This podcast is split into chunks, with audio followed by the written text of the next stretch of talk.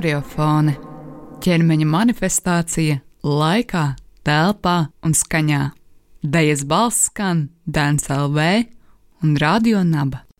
Esiet sveicināti podkāstu Horiofona klausītāji. Mans vārds ir Anete Enikova, un šis jau ir piektais eh, notikums, eh, jeb epizode podkāsta Horiofona dejas balss eh, vēsturē. Atgādinu, ka šis ir Latvijas dejas informācijas centra iknedēļas ieskats un balss, kas vīd Latvijas dejas nozarē. Un sirsnīgi apsveicu visus nominantus, kas šogad ir izvirzīti Latvijas dejas balvai. Savukārt Um, par šo dienas epizodi jāstāsta. Ievads ir uh, pašās pašās um, decembra beigās Luksemburgā bija skatāma Kristīnas Brīniņas video instalācija ar nosaukumu Quiet Place - starptautisks projekts, kas tika realizēts pagājušā gada ietvaros. Pati māksliniece šī darba radīšanas procesu sauc par dokumentālās dejas metodi. Metodi, kurā kustība kļūst par eh, galveno, lai dokumentētu pašu dzīvi viscilvēcīgākajā veidā, smieklīgā, absurdā, vardarbīgā un vienmēr ar dziļu empātiju. Šajā podkāstu epizodē būs dzirdama saruna ar um, Kristīnu Brīniņu, neatkarīgu dejotāju, choreogrāfu un kustību mākslinieci, par viņas pieredzi un izjūtām šobrīd uh, strādājot ar deju un kustību. Bet pašā sarunas sākumā aicinu mazliet uh, vairāk pastāstīt par tiem profesionālajiem apzīmējumiem, kurus viņi sauc par savējiem - choreogrāfe un kustību māksliniece. Es mazliet pie, piebildīšu ar tādu vieglu uh, humoru saistībā ar vārdu choreogrāfs. Uh, man liekas, tas patiesībā ir ļoti sarežģīts vārds, un uh, lai gan man šķita, ka viņš jau tomēr diezgan ilgi dzīvo savu dzīvi un uh, ir jau priekšstats par to, un man liekas, tas ir daudz sarežģītāks nekā kustība mākslinieks, jo abas vārdus mēs saprotam, jo pavisam nesen uh, Kāds no maniem audzēkņiem, es pasniedzu Liepājas mākslas skolā un uzdevu jautājumu saistībā ar teijas tēmu, un, un atbildes bija rakstiskas, un atbildes bija ļoti, ļoti labas un precīzas, bet bija grūtības ar vārdu horeogrāfs, un tā vietā audzēknis rakstīja hidrogrāfs. Tas ir kaut kas ar ūdeni saistīts. jā, jā, man tas likās ārkārtīgi jauki, un patiesībā jā, šīs definīcijas ir. Uh, jā, kā, kā, nu, jā, nevienmēr mums palīdz. Un, un, bet saistībā ar kustību mākslinieks, man liekas, es arī apjaušu iemeslu, kādēļ aizvien vairāk deju mākslinieki izmanto šo formulējumu kustību mākslinieks. Jo tad, kad mēs runājam par kustību, mēs uh, redzam kustību ļoti daudz. Mēs nu, varam par jebko runāt, kas ir kustībā. Un tādā veidā mēs cenšamies pievērst uzmanību tam, ka mēs strādājam ne tikai ar ķermeņiem, dzīviem, bet tie var būt arī kinētiski objekti vai jebkas, kas atrodas kustībā, un šī kustība sevi arī ietver apstāšanos. Un ka tā nevienmēr ir tāda dinamiska darbība, bet šo kustību, un tad mēs jau tā padziļinātāk, vai tādā jau, jau tādā savas dejas uh, izpratnē dēju mēs varam pieredzēt arī sastingumā. Un tad man liekas, lai tieši atvērtu šo lauku, ko mēs domājam ar dēļu, mēs, mēs, mēs sākam to definēt kā kustību. Bet tas tajā pašā laikā ietver ļoti sarežģītas, dinamiskas situācijas, dēļas sekvences un tā tālāk.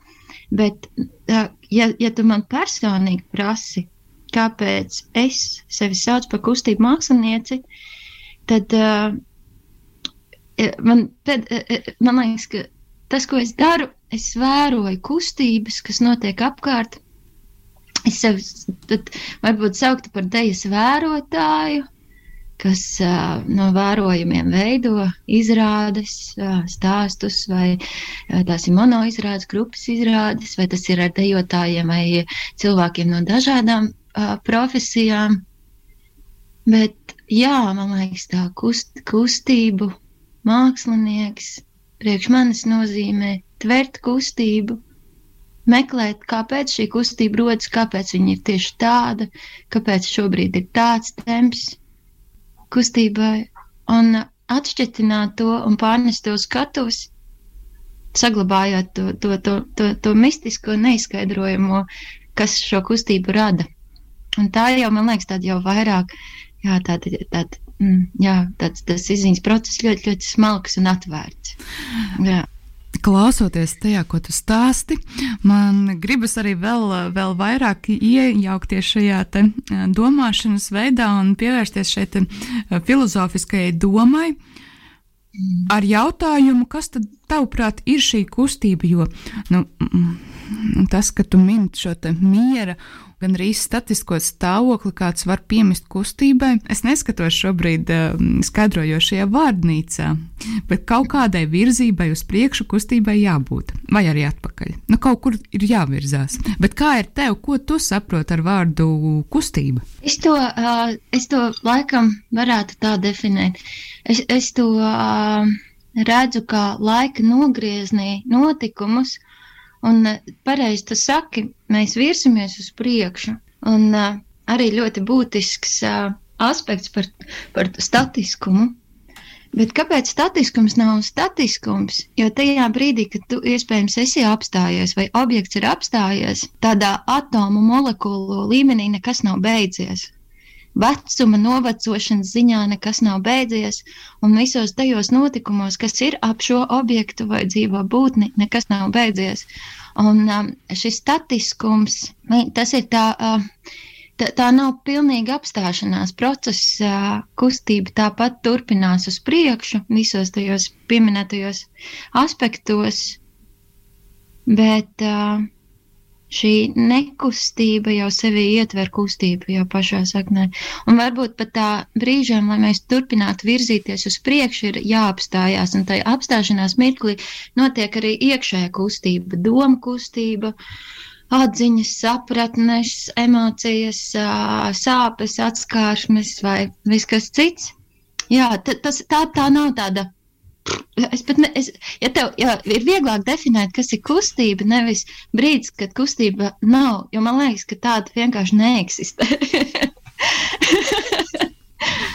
Varbūt tā, tam brīdim vajadzētu būt tādam, kad nu, vienkārši ir apstājies laiks, bet laiks neapstājas, un laiks ir varbūt arī šo te mazliet filozofisko ievadu pārvērst par tādu uh, tuvinātu realitātei. Kas ir šis šī brīža tavi tādi radošie projekti, procesi, ar kuriem tu šobrīd nodarbojies? Man e, jaunais gads pārsteidza, vai pareizāk, vecgada vakars pārsteidza ļoti patīkams ziņas. Biju pieteikusies rezidencē, Japānas rezidencē Saisom, un es saņēmu uh, akceptu vēstuli, kad, uh, kad es uh, piedalos šajā rezidencē, un uh, brīnišķīgi ir tas, ka tā ir ļoti atvērta, un, uh, un es varu darboties attālināti. Ja tas, kas notiks, ja mēs regulāri tiksimies ar dažādiem rezidents dalībniekiem. Tur dalībnieki ir no, tā, no Anglijas, no Šveices, no Japānas, būtībā no dažādām, dažādām valstīm. Un mēs tiksimies, mēs apmainīsimies ar mūsu kustību praksēm, ar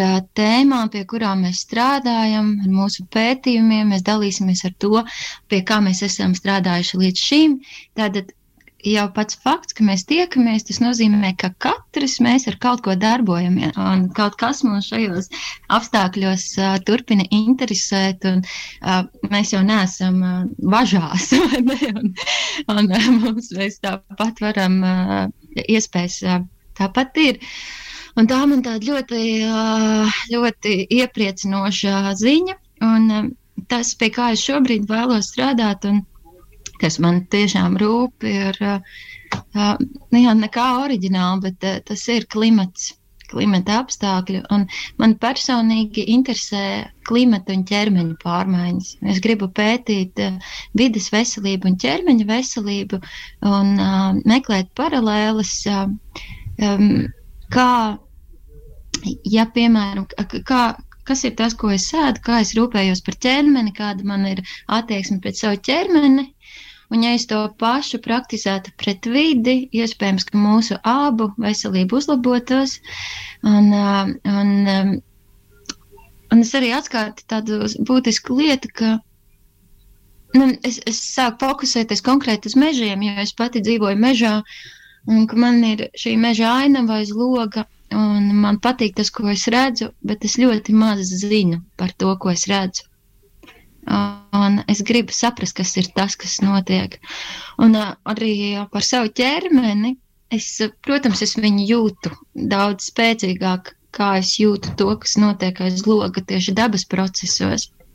Bet arī par šiem, kas rada konkrētā punktā sāpes, es arī varu paļauties savām sajūtām. Uh, Tāpat arī, kas saistīts ar veselību, protams, informācija ir daudz vairāk, ja tas skar tieši personīgi mani, mans ķermenis ir mans rīks, bet tāpat ir ļoti daudz šī nezināmā.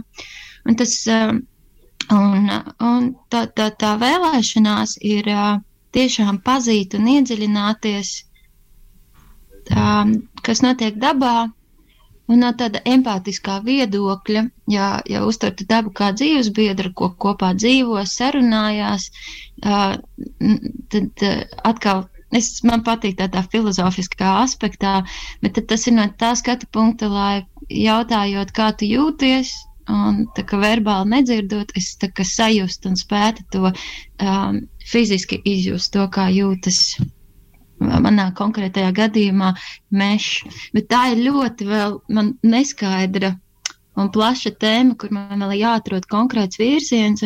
Šobrīd sarakstos ar Pasaules dabas fondu, uh, lai saprastu, kas ir tā, tā, tā konkrētā tematika, ja tā ir veselība, vai tas ir saistīts ar uh, visu toksisko pusi, kas rada piesārņojumus, un, un vai arī šā atjaunojošā ekoloģija, kas palīdz atjaunoties dabai un kā mēs varam iesaistīties šai dabas atjaunošanā.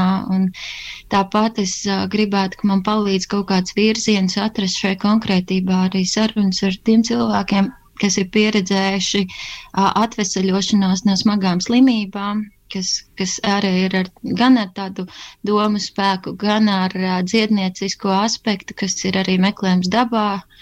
Un tad šo saikni, empātiju, līdzjūšanu, tad um, to es gribu pētīt. Un, un tad uh, jā, šī pieminētā rezidents mani atbalsta. Un, um, Un tad, un tad no tās kustību prakses, tad šīs zināšanas, ko es iegūšu, par to, kas notiek dabā, es mēģināšu ķermeniski iemiesot.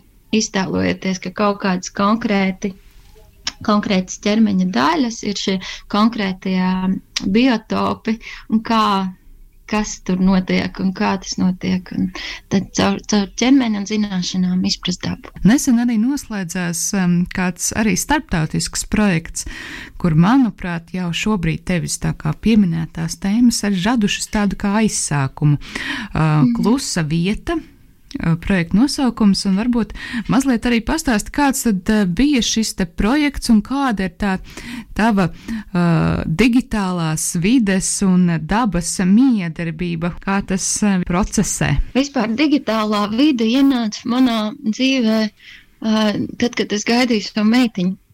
Tātad, jā, gaidību laikā. Jo es biju nolēmusi grūtniecības laikā nenodarboties nekādām fiziskām aktivitātēm, lai, lai neapdraudētu grūtniecību.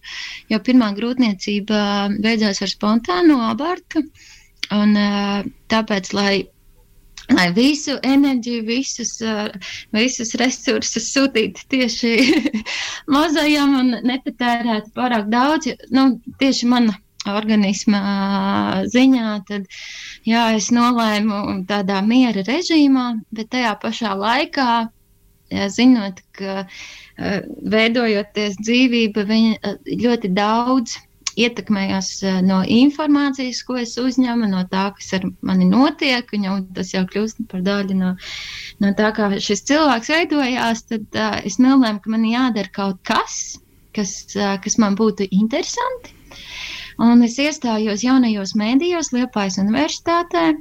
Un, um, un uh, es vienu gadu, jā, kamēr es gaidīju savu meitiņu Martu, studēju.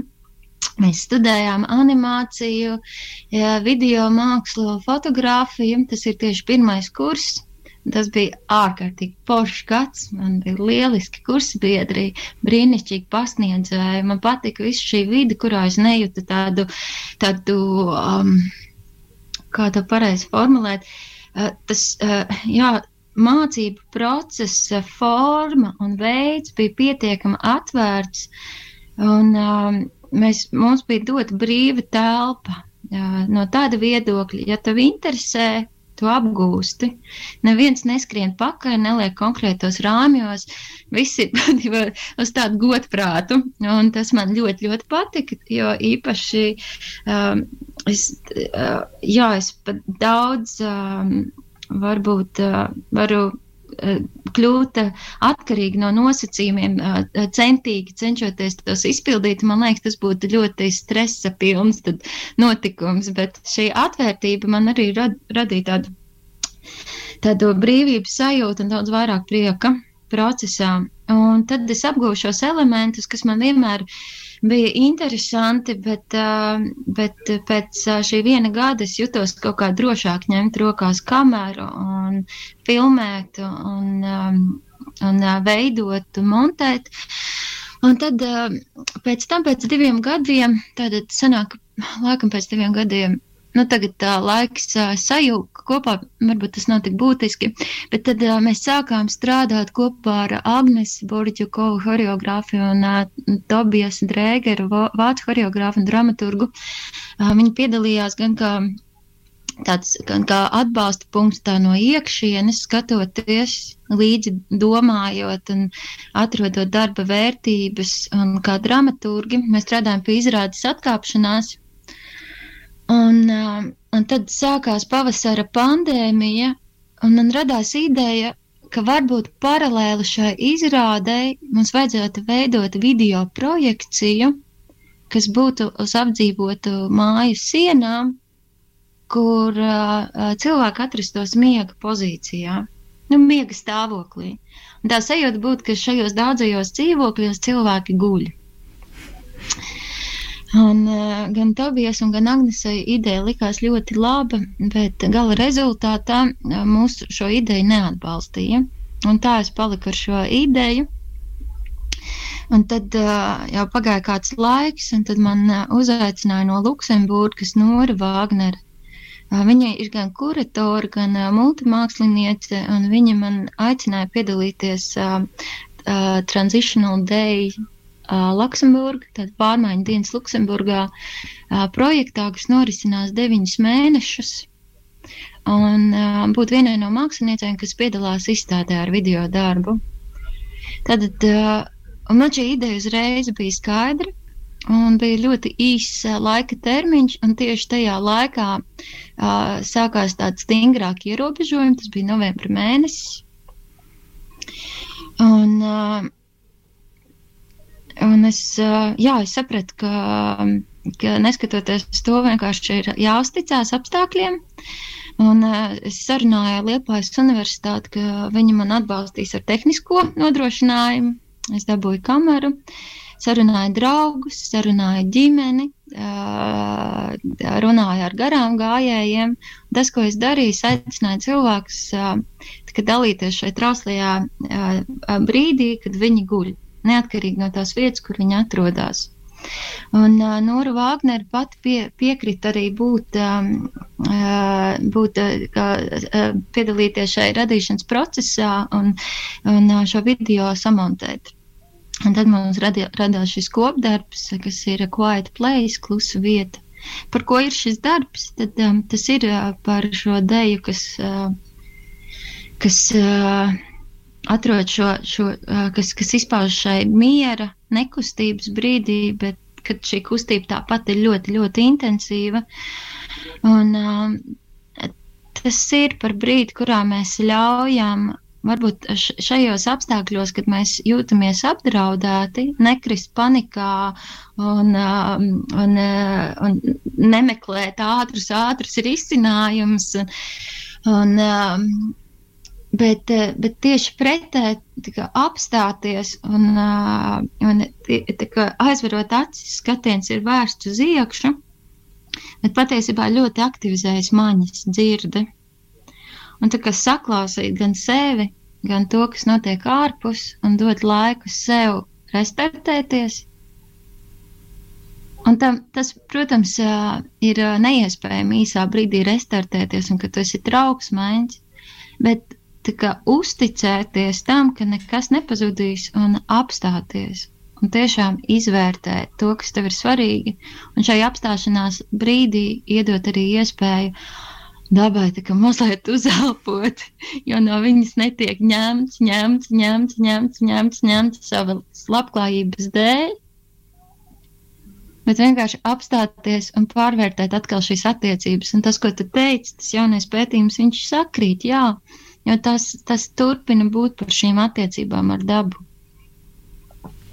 Tāpat kā arī toreiz, kad mēs taisījām šo, šo darbu atkāpšanās, arī tas tāpat arī savā, savā būtībā arī um, glabā šo, šo, šo, šo vērtību sistēmu. Tas bija par ķermeņa laicīgumu, Bet arī šis konteksts par dabu, par nāvi, jo man liekas, tas, no kā mēs baidamies no nāves, ciešanām un grūtībām. Un tad tas bija ļoti, ļoti klātesoši, un tas jau bija pirms, pirms tāds Covid-19 vispār izskanēja pasaulē. Tās vērtības jau mūždien vienmēr, vienmēr iet cauri.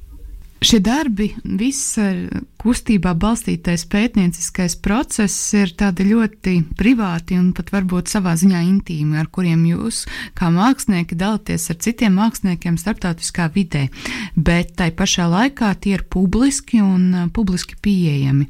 Kas ir tas, ko tu gribi uh, dot uh, skatītājiem ar šo te, šiem darbiem un vispār veidojot savus um, radošos projektus? Tā ir tā motivācija, jo rūpes par to, kas notiek apkārt. Un, protams, tas lielais jautājums ir par to, vai šis darbs tiešām spēj nodot uh, skatītājiem to, ko tu vēlēsies aizkustināt vai kaut kā iekustināt tajā virzienā, kurā tu esi iztēlojies. Es pieņemu, protams, uz visiem tas neiedarbosies līdzīgi, bet jā, tas ir tas vadmotīvs, jo savā iekšējā dzīves procesā es mācos un turpinu mācīties, ko tas nozīmē dzīvot, dzīvot saskaņā ar procesiem, kas notiek ārā, rūpēties par vidi, cieņpilnu jā, attieksme pret vidi, cieņpilna attieksme pret līdzcilvēkiem. Un uh, vēl joprojām uh, jā, mums ir šis šķirošanas konteiners, un es turu to, to, to kaut kādu jā, to gabaliņu, kas vairs nav lietojams. Un es domāju, ko man ar viņu tagad jāiesāk, kurā konteinerī man būs viņa jāmat. Un es vēl joprojām atkal googlēju, tad man rokā ir šāds izstrādājums, ko to darīt. Un tas vēl joprojām nav tādā jau, nu, ka ir šī skaidrība un zināšana, ka tā jau tāda noteikta rutīna, un vēl joprojām man sev jāatgādina. Es esmu veikalā un saprotu, ka man ir jāpaņem šis puskilo burkāni, bet es neesmu paņēmusi savu maisiņu līdzi. Un es domāju, un vēl joprojām es to neatceros, un tas nav tāds ieradums. Bet nu, tie, tādi sīkumi un šī cenšanās un, un neizdošanās noteikti nav iemesls, kādēļ padoties. Bet, um, Bet tas, ko, kas uh, ir šis vadmotīvs, ir uh, kā, atrast domu biedrus, varbūt kaut kādā ziņā atrast domu biedrus un dalīties tajā, kas šķiet svarīgi. Bet man liekas, ka šī ir tāda uh, varbūt pat uh, pirmā reize, kad es veidoju darbu, kas nav tieši attiecināms tikai uz manu, manu personīgo pārdzīvojumu, kas noteikti, kurā varētu atrast uh, citi cilvēki kaut kādu jā, līdzību savā dzīves pieredzē, bet tas attiecas kaut kādu tādu globālu vajadzību. Bet uh, tas, ko es ļoti vēlētos, un es uh, tiešām vēlētos, ka man tas izdotos, ka šo vidas pieredzi, dabas pieredzi atrast uh, jaunu punktu, no kura, uh, no kura dabas klātbūtni mēs varētu sajust tiešām šis empātiskais punkts, kā mēs caur ķermeni varētu sajust šo līdzību, saikni, piederību dabai. Jo līdzība, saikni, piederība dabai, tas to mēs visi zinām. Bet kas ir tas brīdis, kad mēs to sajūtam? Un es jau pieminēju, varbūt es nezinu, tas tā nav tā tēma, ko parasti radio eterā apspriež, bet tad, kad man bija spontānais aborts, Un tad, un tad ir, oh, kāpēc saka, ka pirmajā trimestrī labāk neteikt par grūtniecību? Tāpēc tu pasaki, ka tu gaidi bērniņu, un tad bērniņu izrādās, tu vairs negaidi, un tad tev visiem jātaisnojās, un tad viss saka, oh, Kristīna vai attiecīgi mammai. es tev jūtu līdzēji kā citādi. Un, un, un tas jau tev pašam liek šo situāciju uztvert dramatiski. Ah, jā, jā, nu, es tagad, jā, viss šis ir ļoti bēdīgi un skumji. Tad, kad es pazaudēju bērniņu, aizgāju pie ginekologa, viņš man teica, man tad galvenais nepazaudēt domu, kāpēc to stāstu. Jā, par sēkni ar dabu. Uh, viņš, viņš man saka, Kristīne, ko tu tagad te taisi drāmu? Ar ko tu atšķiries no ābeles, kurai ir simtiem ziedu, bet tu nezini, vai būs āboli un vēl kādi? Tu esi kaut kāds, nu, kaut kas atsevišķs no dabas. Ir normāli. Tev ir jā, tev ir pieteicies, tev ir auglīts, bet tu esi dabas, tu esi dabas procesā. Ne visi ziedi pārto par augļiem. Un tas manī tādu, tā, tādu apskaidrību radīja. Nu, it kā domā, nu jā, bet, bet saprotu, bet tieši tā. Un, uh, un, protams, šī situācija ir ļoti dažāda. Un, un tas, ko ķermenis pieredz, tas ir pilnīgs nu, sprādziens iekšējs. Bet par šo saikni ar dabu, tas, ko es gribēju teikt, protams, es zināju, gan par spontānā aborta iespējamību, ka katrai otrai sievietei tas ir bet es neatskārti to no tā viedokļa, cik ļoti spēcīgu pieredzi tas manī radīja. No tik ļoti spēcīga un tik kaut kādu apskaidrojošu un uh, absurdi, bet tik pozitīvi apskaidrojošu sajūtu. Tā bija retā reize, kad, es, kad man likās, ka es redzu, kas apkārt notiek, kad es dzirdu sevi un ka es jūtos tādā nenormālā sasaistē ar visu, kas ir ap mani. Un, diemžēl tas, tas laika posms, neskapēc tā, tā, tā zināšana viņa laika gaitā padzēšās, un tu turpini tā kā agrāk, kas ir biedējoši. Ja, un, tu, un tas kaut kur padzēšās, un kā to visu saglabāt, šo zināšanu. Un tā bija tā retā reize, kad es arī saziņā ar tuviniekiem, ar draugiem bija tik ļoti skaidra, tik ļoti tieša. Nebija šie, kā man labāk pateikt, lai tas otrs, tā informācija vienkārši nāca ļoti tādā, tā, tā, tāds tīrotnis. Un tas bija šo ciešanu laikā, jo tās bija ciešanas apskaidrība un viss kopā. Un kā radīt šo pieredzi caur mākslu, kas radītu tādu, tādu ka, oh, jā, nu, ka tu, ka tu pieredzi to.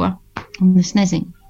Nav, nav, es nezinu, tas ir brīnums un vienkārši jāpaļaujas brīnumam. Man liekas, ka Covid ir līdzīgi, ja mēs to tiešām ielaistu un mēs ļautu iegrimt, ja mēs ļautos grūtībām un sevi ierobežotu. Tā, tā, tas saucamais gavēnis, kas man ik pa laikam ienāk kaut kur kā tā gavēšana, bet ne no reliģiskās uh, praktizēšanas viedokļa, bet ne no tā, tās, tā, tā, tās, tā, tā, tā iemesla. Man liekas, tas ir tāpēc, ka tad, kad kaut kā tas liekais atkrīt, kaut kāda zināšana parādās. Man liekas, ka šis, šis var būt ļoti, ļoti apskaidrojošs uh, brīdis, ļoti īpašs, ja to ielaiž sevī šī situācija, kas šobrīd ir valstī, ietekmē arī to, ko tu mākslinieciski dari? Jā, noteikti. Bet redz, arī līdz tam es tomēr tās formas, es, par kurām es domāju, es katru reizi domāju no, no tā viedokļa, kas ir tas, ko es radu un kurā vietā tam vajadzētu būt. Un, piemēram, izrādes esmu ļoti kautrīgs cilvēks par diriģentu Andru Nelsonu. Pirmizrāde mums bija mežā. Cīravas mežā, tu atceries. Atceros. Un, Jā, un, un tikpat labi to, to šodien varētu uztvert, ah, šī ir alternatīva, alternatīvs veids Covid apstākļiem, kuros mēs nedrīkstam iekštelpās veidot izrādes. Un patiesībā tagad brīžiem liekas, nu, nu pagaidiet, lūdzu nenonieciniet to, ko cilvēki jau agrāk ir izdomājuši. Piemēram, šīs izrādes pastaigas vai tagad, protams, viss sait specifika izrādes un daudz, nu, daudzās tādās satikšanās semināros tad runā, ka nu tagad, tagad, un tad šis viens drosminieks saka, bet pagaidiet, tas ir bijis. Jā, un to nevajag tagad kā inovāciju pasniegt. Tas vienmēr ir bijis, bet, protams, tagad šāda veida citas citas formas izrādēm pievērš lielāku uzmanību. Protams, arī situācijā, ja mēs ne, nevaram vēl atgriezties teātris telpās Bet uh, man liekas, ka daudzi režisori uzsver, nu, piemēram, Milo Rauls, kas ir uh, politiski aktīvs režisors un kas tiešām iet iekšā šajās sociālās tēmās un problēmās, un viņas izcili prota um, rekonstruēt mākslas darbos. Viņš ir tas, kas, uh, kas ved skatītāju tieši tajā vietā, jo ne, netaisa tādu abstraktu. Uh, nu, būtībā kā pēc iespējas pilnīgāk pieredzēt šo dzīves situāciju. Un, uh, man šķiet, ka tā ir tikai vērtība, ka mēs aizvietojam, bet nevis aizvietojam, ka, ka mēs ne tikai pievēršamies skatuvē, kur ar scenogrāfijas elementiem uzbā, uzbūvējam vidi, bet ka mēs ievedam skatītāju tajā reālajā vidē, kur notiek šī satikšanās gan ar uh, reāliem personāžiem, cilvēkiem, uz kuriem tas attiecas. Vai arī, ja, ja to izspēlē aktieris vai, vai izspēlē dejotājs, kas mums palīdz tiešām atkal šo pieredzi um, pastiprināt. Tad, jā, man liekas, tas jautājums, kā tuvoties skatītājam, vienmēr būs uh, klātesošs. Un, uh, es šobrīd vēl pastiprinātāk par to domāju, kas varētu būt šīs alternatīvās formas, satikšanās, un kurā, kurā vērtība nav skatītāja daudzums, bet tiešām šī tuvā satikšanās, kurā dalīties ar to, kas šķiet svarīgi vai kas mums abiem šķist svarīgi. Redz, es pieminēju abiem. Tātad var iztēloties, ka manā priekšā ir izrāde, kuras esmu viens pret viens ar kādu. Uh, kā būt uh, atbalsta punktam sev un atbalsta punktam uh, citiem, ticot, ka tas varētu būt atbalsta punkts.